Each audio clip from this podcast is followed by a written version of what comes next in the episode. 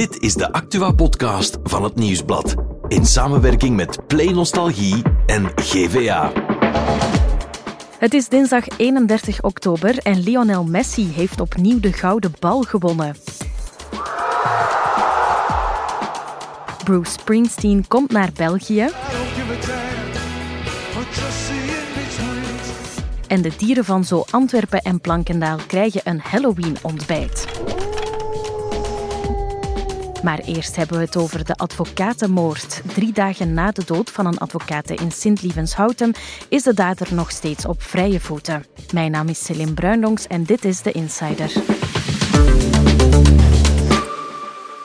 In de Oost-Vlaamse gemeente Sint-Lievenshouten is zaterdag een advocate vermoord en de moordenaar die is nog steeds niet gevat.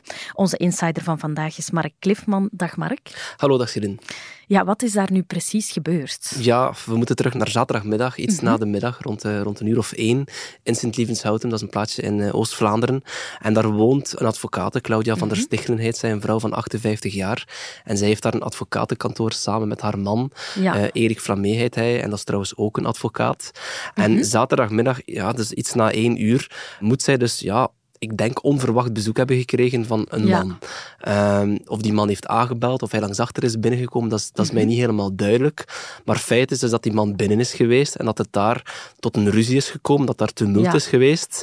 En dat op een gegeven moment uh, Claudia van der Stichelen terug naar buiten is gelopen, in paniek. Mm en dat ze achtervolgd werd door die man die haar kwam opzoeken, dat hij een wapen trok. Ja. En dat die man dan ook nog eens achtervolgd werd door de zoon van Claudia van der Stichelen. Ook met een pistool, weliswaar geen echt pistool, maar een, een loodjesgeweer. Okay. En uh, toen is het tot een schietpartij gekomen, waarbij mm eerst de zoon werd geraakt.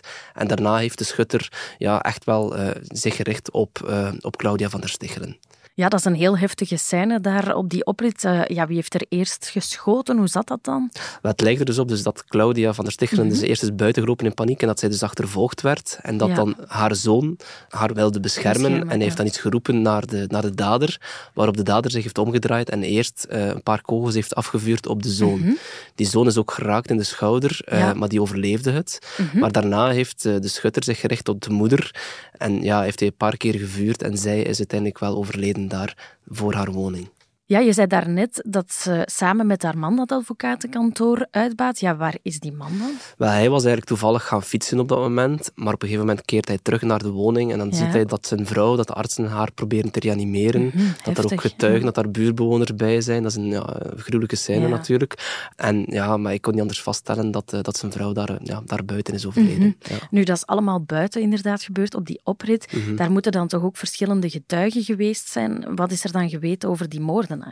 Wel, het is eigenlijk zo. Um, de politie heeft, zich, heeft natuurlijk de, de zoon, die is overgebracht naar het ziekenhuis, is geopereerd. Uh, maar die was wel bij bewustzijn en zo. En hem hebben ze natuurlijk kunnen, mm -hmm, kunnen ondervragen. Ja. Dat is een kroongetuige natuurlijk. Um, en hij heeft natuurlijk wel een, een, persoonsbeschrijving van de dader kunnen geven. Op basis ja. van die beschrijving hebben ze dan een robotfoto opgesteld. Mm -hmm. En op die robotfoto is een, is een man te zien, ja, die volgens de getuigen een beetje wordt geschat als een, als een man van 60, 65 ja. jaar oud. Een kalende man, kort grijs haar. Hij is mm -hmm. 1 meter 80 groot ongeveer, dus eigenlijk een normale lichaamsbouw.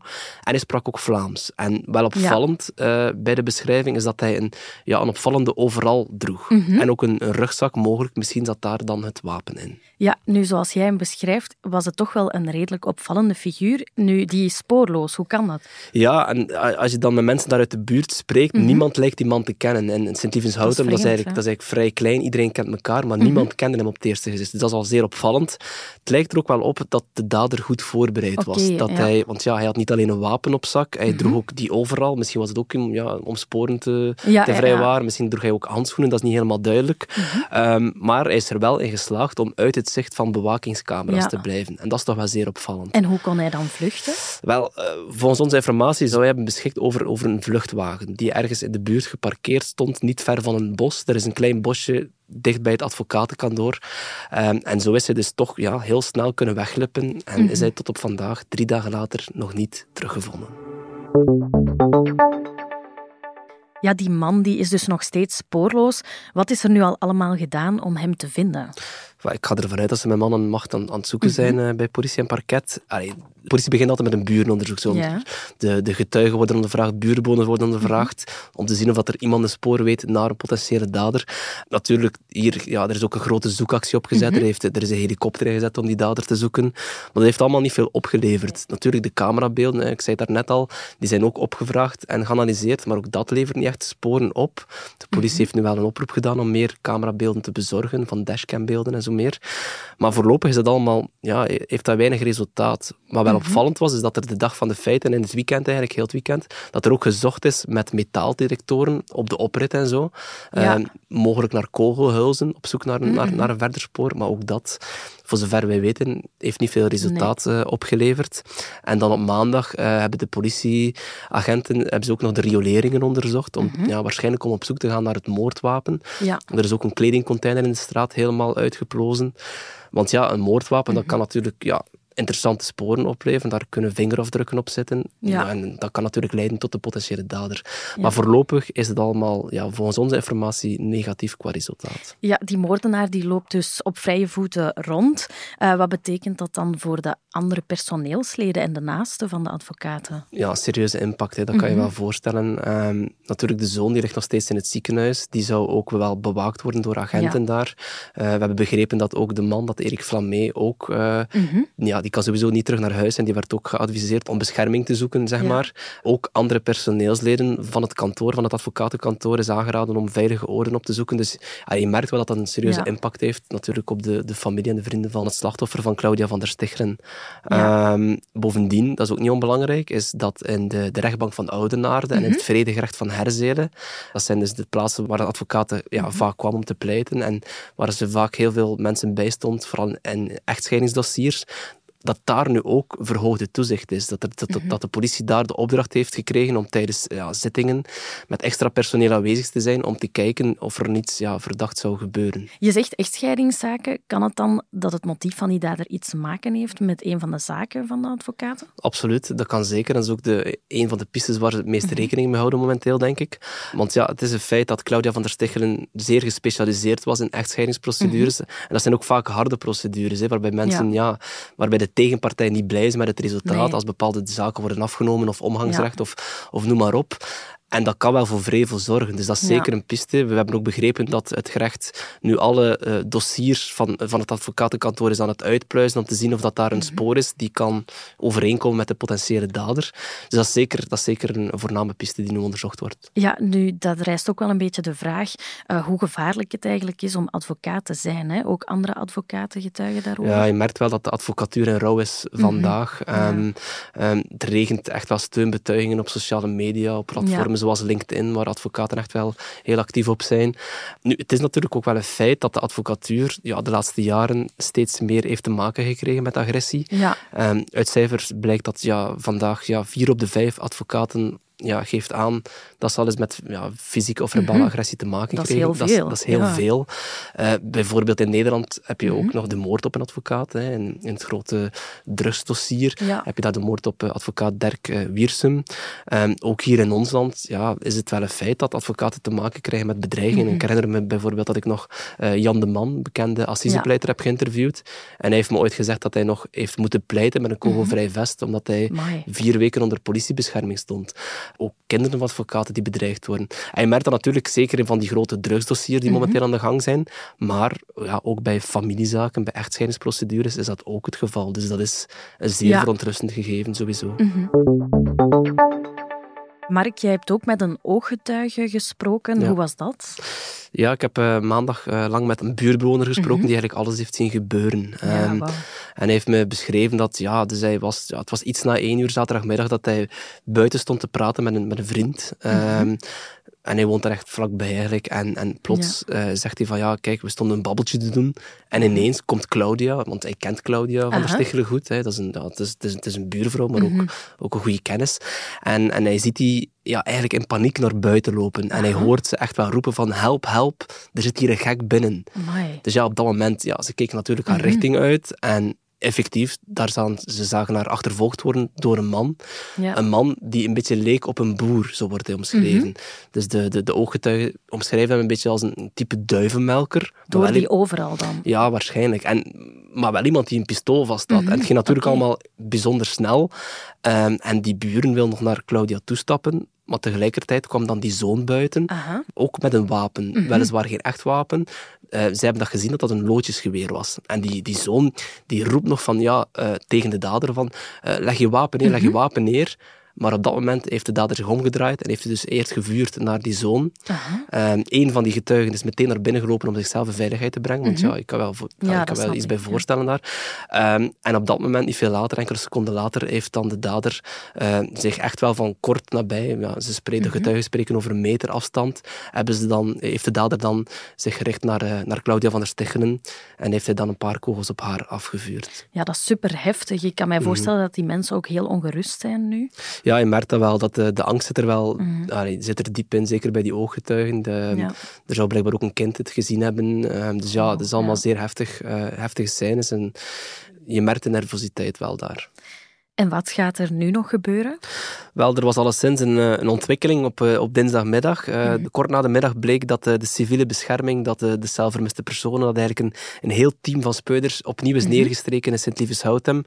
Ja. aan het advocatenkantoor van Claudia van der Sticheren om een hele grote zoekactie te starten. En wat zoeken ze daar dan? Wel, ze zijn daar eigenlijk al uren bezig met het zoeken. Vooral horen we, is- gaat het om het zoektocht naar het wapen, naar het moordwapen. Ja. Om uit te sluiten. Misschien is er een vermoeden dat de dader het, ja, het wapen ergens gedumpt heeft. Daar is ook een beek eh, dichtbij in de omgeving. Die wordt ook helemaal uitgekampt. Ook maandag zijn er blijkbaar in discreet eigenlijk in, in alle luwte grote zoekacties geweest naar de dader. Er zijn er ook posten uitgekampt.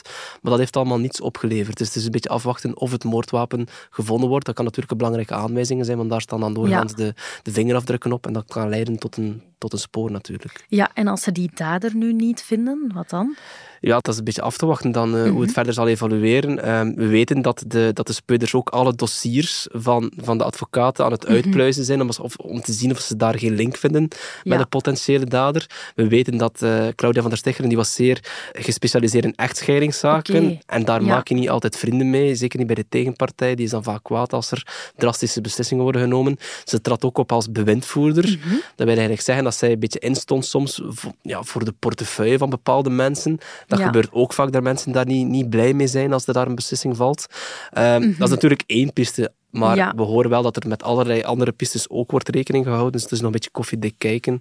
We horen wel dat, dat de dader nog steeds op dit moment onbekend is. Dus dat het nog altijd een beetje Ja. een vraagteken blijft. Nu, eh, een andere piste kan natuurlijk ook zijn dat de dader zelf ja, zichzelf ondertussen van het leven heeft beroofd en dat, ze, dat zijn lichaam ergens ligt waar, waar, hij, waar hij nog niet gevonden is. Dus het zijn allemaal dingen ja, die, waar rekening mee gehouden wordt. Dus voorlopig is het, eh, is het afwachten. Ja, Mark, jij blijft het voor ons opvolgen, hè? Ja, sowieso. Heel erg bedankt voor de duidelijke uitleg. Graag gedaan.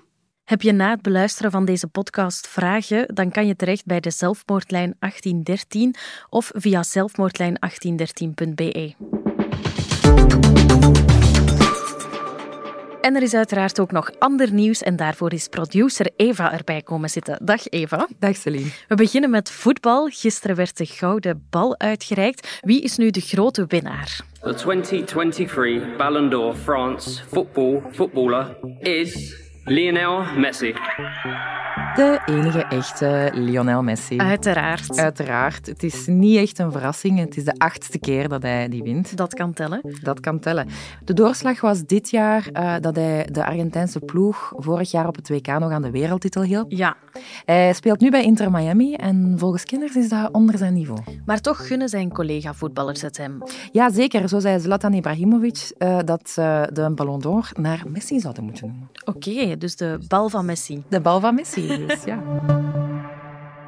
En dan ook nog groot nieuws uit de muziekwereld, want Bruce Springsteen die komt terug naar België. Ja, The Boss en zijn E Street Band spelen volgend jaar 22 shows in Europa. Oké. En eh, ook op 2 juli, eh 24, schrijf het in uw agenda, want dan staan ze op Werchter. Staat genoteerd. Mhm. De tickets zijn vanaf vrijdag 10 uur te koop en ze kosten niet weinig natuurlijk. Oké, vertel. Eh, 138 euro tot 208. Amai, dat is stevig. Ja, absoluut. En eh, snel zijn is de boodschap, want vorig jaar stond hij op TV Classic en toen waren de 80.000 tickets op een uur de deur. uit. Amai, Oké, dan moeten we toch wel snel zijn. En dan nog een leuk nieuwtje. Vanavond is het zover, het griezeligste feest van het jaar, Halloween. En je ziet het toch wel al in het straatbeeld, hè? Ja, absoluut. Ik heb er zelf aan meegeholpen. Ik stuurde mijn kind al als pompoen naar de crash. Schattig. En was ze er blij mee? Nee, nee, absoluut niet. Oei. en de Halloween-gekte die slaat echt overal toe, zag ik, hè? Ja, zelfs de dieren in de zoo van Antwerpen en uh, Plankendaal, die kunnen er niet aan ontsnappen. Van hun uh, verzorgers krijgen zij uh, deze week pompoenen om van te eten. Uh, wat moet ik mij daar dan bij voorstellen? Lopen die leeuwen daar dan rond met pompoenen? Of, uh... Ja, eigenlijk uh, heb ik dan net dat gezien op een, op een filmpje. Okay. dat waren onder meer leeuwen dat daarmee aan het rondlopen waren, maar ver, ze verstoppen daar ook eten in. dus dan Mhm. worden die groenten al wel veel interessanter. Ja, nu eng kan je het niet echt noemen, hè? Nee, maar het is echt wel extreem schattig. Bekijk de filmpjes maar eens. En voor de dieren is het goed, want het is, uh, het is een vorm van verrijking. Oké, dat hebben we dan weer bijgeleerd. Dankjewel Eva om dat voor ons toe te lichten. Ja, happy Halloween. Ja, dat kan je wel zeggen. Wij gaan vanavond ook lekker griezelen. En daarna gaan we er eventjes tussenuit. En vrijdag zijn we er weer met een nieuwe Insider.